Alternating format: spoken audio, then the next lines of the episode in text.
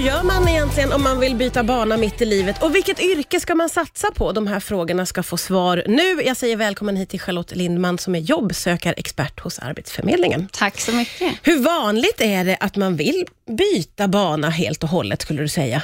Ja, men det är väldigt vanligt att vi idag byter yrken flera gånger under en livsperiod. Alltså allt ifrån när vi kanske går ut i skolan tills vi blir pensionärer. Mm. Det finns olika studier på det där, men eh, flera gånger byter vi både yrke men också bransch. Så att det är vanligt att man gör det. Så att om man går i sådana tankar så är det helt normalt.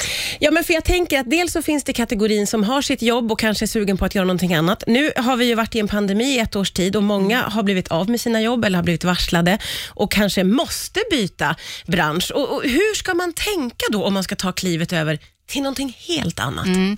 Och Jag tror att det är just det där att många tänker att man ska ta ett kliv till någonting helt annat och det är det svåraste klivet. Att byta både kanske bransch och helt yrke och där man inte har så mycket kunskaper och då tänker man att det är dit jag ska för att mitt jobb finns inte kvar om det nu är så att man, har, man är på väg kanske i ett varsel eller har blivit uppsagd. Men man kan ju faktiskt hitta yrken som är liknande i sin egen bransch och då kan man liksom titta lite åt sidan. För oftast har du ju kompetenser som man, vi brukar kalla för generella kompetenser. Det kan ju vara inom servicebranschen, du kanske är duktig på säljare, du kanske är ordningsam och sådana egenskaper är ju jättebra att ha i väldigt många yrken. Ja men verkligen. Och Det där är också ett smart tips att också lite grann vända blicken inåt. Vad kan jag och vad kan jag använda det till utöver det jag gör kanske då? Men det skulle jag säga att det är så många som kanske har dålig koll på vad andra gör. Eh, Jag har ju inte koll på vad du gör när du inte sitter liksom bakom en mikrofon. Mm. Du har ju säkert massor att göra. Och det, vi har ganska dålig yrkeskoll i, i, liksom i Sverige generellt. Men att bli lite nyfiken och titta på vad andra gör. Och Där har jag faktiskt två riktigt bra tips. Ja okej, vad kan det vara för någonting? Ja, men det ena det är att eh, på arbetsförmedlingen.se har vi bland annat ett test som heter Intresseguiden med 12 frågor. Och Jag vet Martina att du har gjort den här. Jag har gjort det här, jajamän. Och Om man svarar på de frågorna så får man ju en lista på jobb som faktiskt utgår ifrån dig som person, om du är analytisk, om du är en ledare, om du är kreativ och så vidare.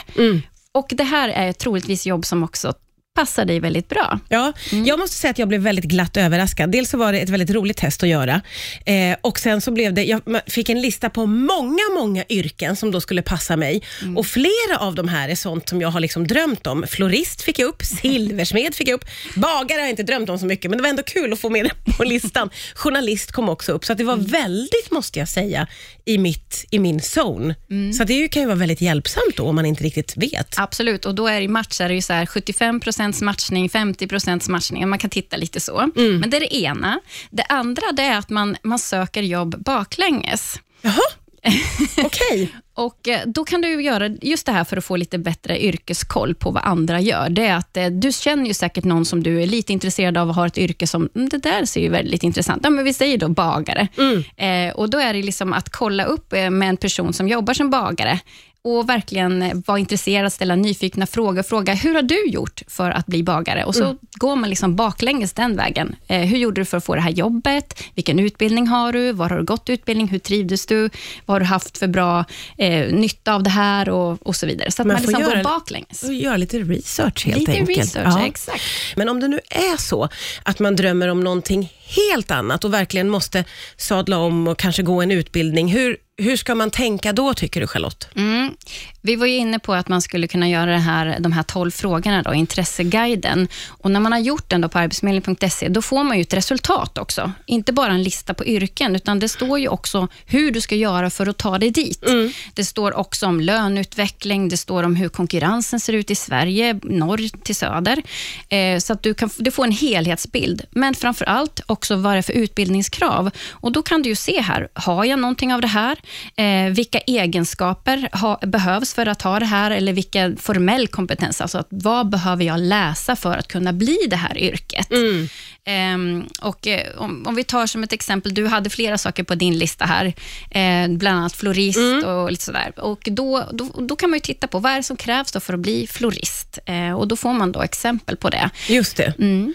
Eh, om det nu är så, eller kan det vara så att man blir för gammal för att byta yrke? Om du förstår mig rätt. Jag tänker på om det är en lång utbildning som krävs Mm. till exempel.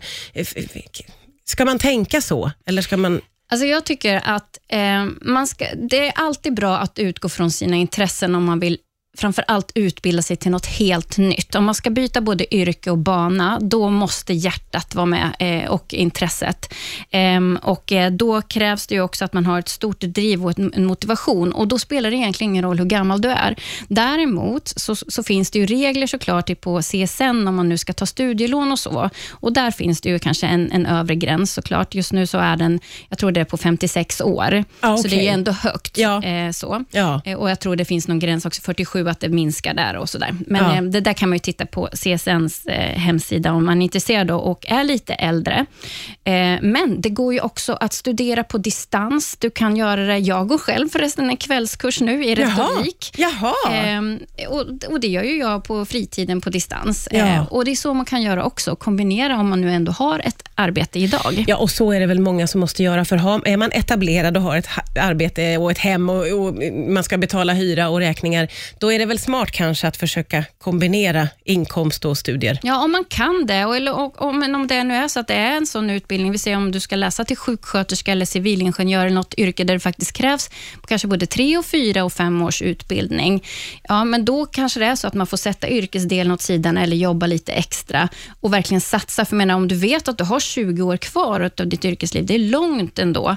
Eh, och då att gå och vara missnöjd med ett jobb som du har idag och egentligen har en dröm om någonting annat, då är 20 år väldigt lång tid. Ja, men det är det verkligen. Och eh, då är det ju alltid så här i alla tider att det finns vissa jobb som är mer smarta att satsa på. Vilka är det som är framtidens jobb idag, skulle du säga, Charlotte?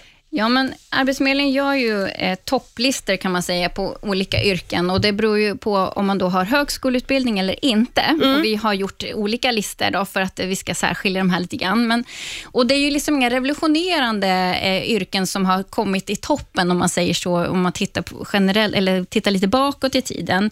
Men om vi tänker med högskoleutbildning så är ju läraryrkena i alla dess former, alltså från förskollärare, specialistpedagoger och så vidare i både för, eh, grundskola och högstadiet. Då. Ehm, där har vi ett toppyrke, sen är det ju inom sjukvården såklart. Sen har vi hela techbranschen. Eh, där kan vi säga att den har väl kanske klivit upp en del, eh, för vi jobbar ju jättemycket med IT idag. IT-utveckling, s- IT-säkerhet som har tagit ett rejält kliv också nu under pandemin. Eh, sen är det såklart civilingenjör, läkare ehm, och eh, sen specialistsjuksköterskor. Då. Ehm, Ska vi titta lite på även yrkesutbildningar som är, då, som är på gymnasienivå? Och Ja, det är verkligen. just yrkesutbildningar som toppar där. Ja. Och Det är praktiska yrken som, som är, ligger i toppen och har gjort flera år. Och Det här är ju framförallt inom byggbranschen. Ja. Då har vi elektriker, eh, träarbetare eller som snickare, Mm. VVS-montörer och motor, eh, fordonsmekaniker där. Mhm. Eh, svetsare. Inom metallindustrin är också en jättestor industri som växer. Eh, om man tittar lite norrut, vi kan prata lite mer om det alldeles strax. Eh, där vi har då eh, maskinoperatörer till exempel. Då. Och så självklart undersköterskor. Ja, just det. Vårdyrket, jätte, jätteviktigt att nämna. Eh, och det, har ju, det här har ju varit så här under ett tag. Kan Mm. man se en, en, nå- hur pandemin har påverkat det här på, någon, på något Ja, sätt? men såklart efterfrågan inom vården har ju ökat oerhört. Eh, och framför allt efterfrågan på specialistkompetenser, alltså där man också är inom, jag tänker som sjuksköterskeyrkena där då, eh, såklart. Eh, där finns det ju en stor, stor efterfrågan, men den är ju svår att göra en quick fix på. Ja. Det är ju en längre Ja. utbildning, så är det. Men att, eh, att läsa till undersköterska, till exempel på undersköterskenivå, eller på gymnasienivå, det behöver inte vara jättemånga år, utan det kan räcka med ett och ett halvt år på komvux till exempel. Då. Ja. Och Där kan du också läsa tilläggskurser att jobba som specialistundersköterska. Mm. Eh, och Om det är någon som känner liksom att ja, men jag vill jobba inom vården, jag kan tänka mig jobba lite grann inom specialistvård, inom barnsjukvård eller inom, på vårdcentral. Eh, varför inte då läsa till undersköterska och sen lägga på lite kurser? Ja. Ambulansförare eller någonting sånt. Det handlar ju väldigt mycket om att läsa på och researcha och kolla upp ordentligt, Mm. förstår jag. Så kan det finnas lite olika vägar för en framåt. Absolut. Och Det här är ju topplistor och det är väl jättebra om man får den här listan på Intresseguiden om man skulle toppa någon av de här. Då, Ja, ja, ja, det är då perfekt. vet man att man har en ljus framtid till mötes. Ja, men verkligen. Men jag skulle också säga att även om det skulle vara så att man, att man vill utbilda sig till någonting som inte är på de här topplistorna och man verkligen verkligen har ett stort driv och motivation, då är det ju inte kört såklart, utan man ska också följa sin dröm. Det tycker jag är viktigt. Det är viktigt att få med det. Eh, otroligt eh, roligt att ha dig här. Tack snälla Charlotte Lindman för att du kom till FM Tack själv för att jag fick komma hit.